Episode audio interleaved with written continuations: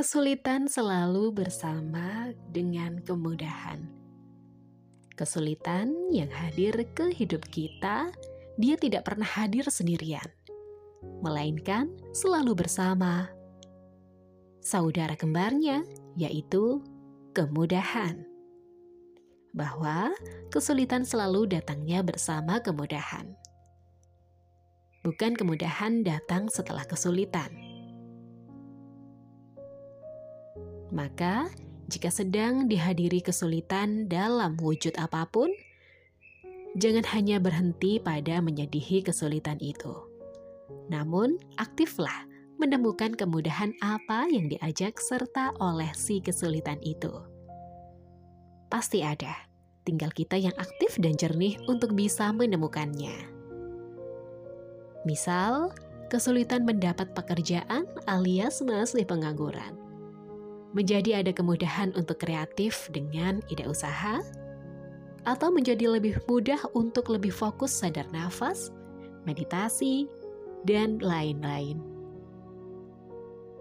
Kesulitan keluar rumah karena pandemi waktu itu menjadi mudah untuk berkumpul seharian dengan keluarga di rumah.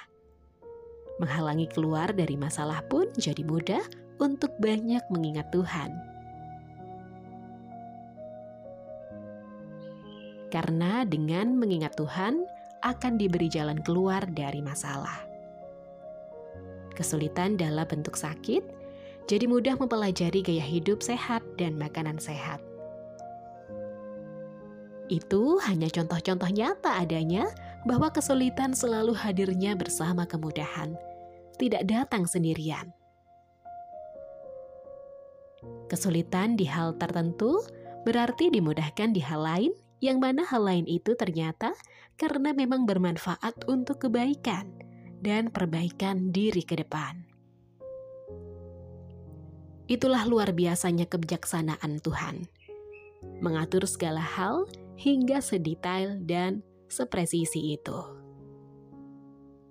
Maka, jangan takut dengan namanya kesulitan. Kita semua bisa bertumbuh karena hasil dari kesulitan demi kesulitan sejak kecil hingga sedewasa ini. Tanpa kesulitan, kita tak akan bertumbuh. Kemudahan tidak akan berkontribusi apa pun untuk pertumbuhan jiwa kita selain hanya untuk membuat hati senang saat itu saja.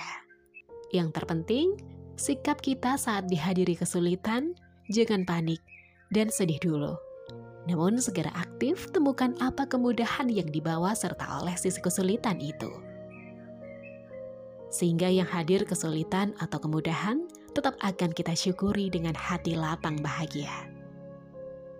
Jangan berdoa minta kemudahan karena kemudahan tak akan berkontribusi pada pertumbuhan jiwa.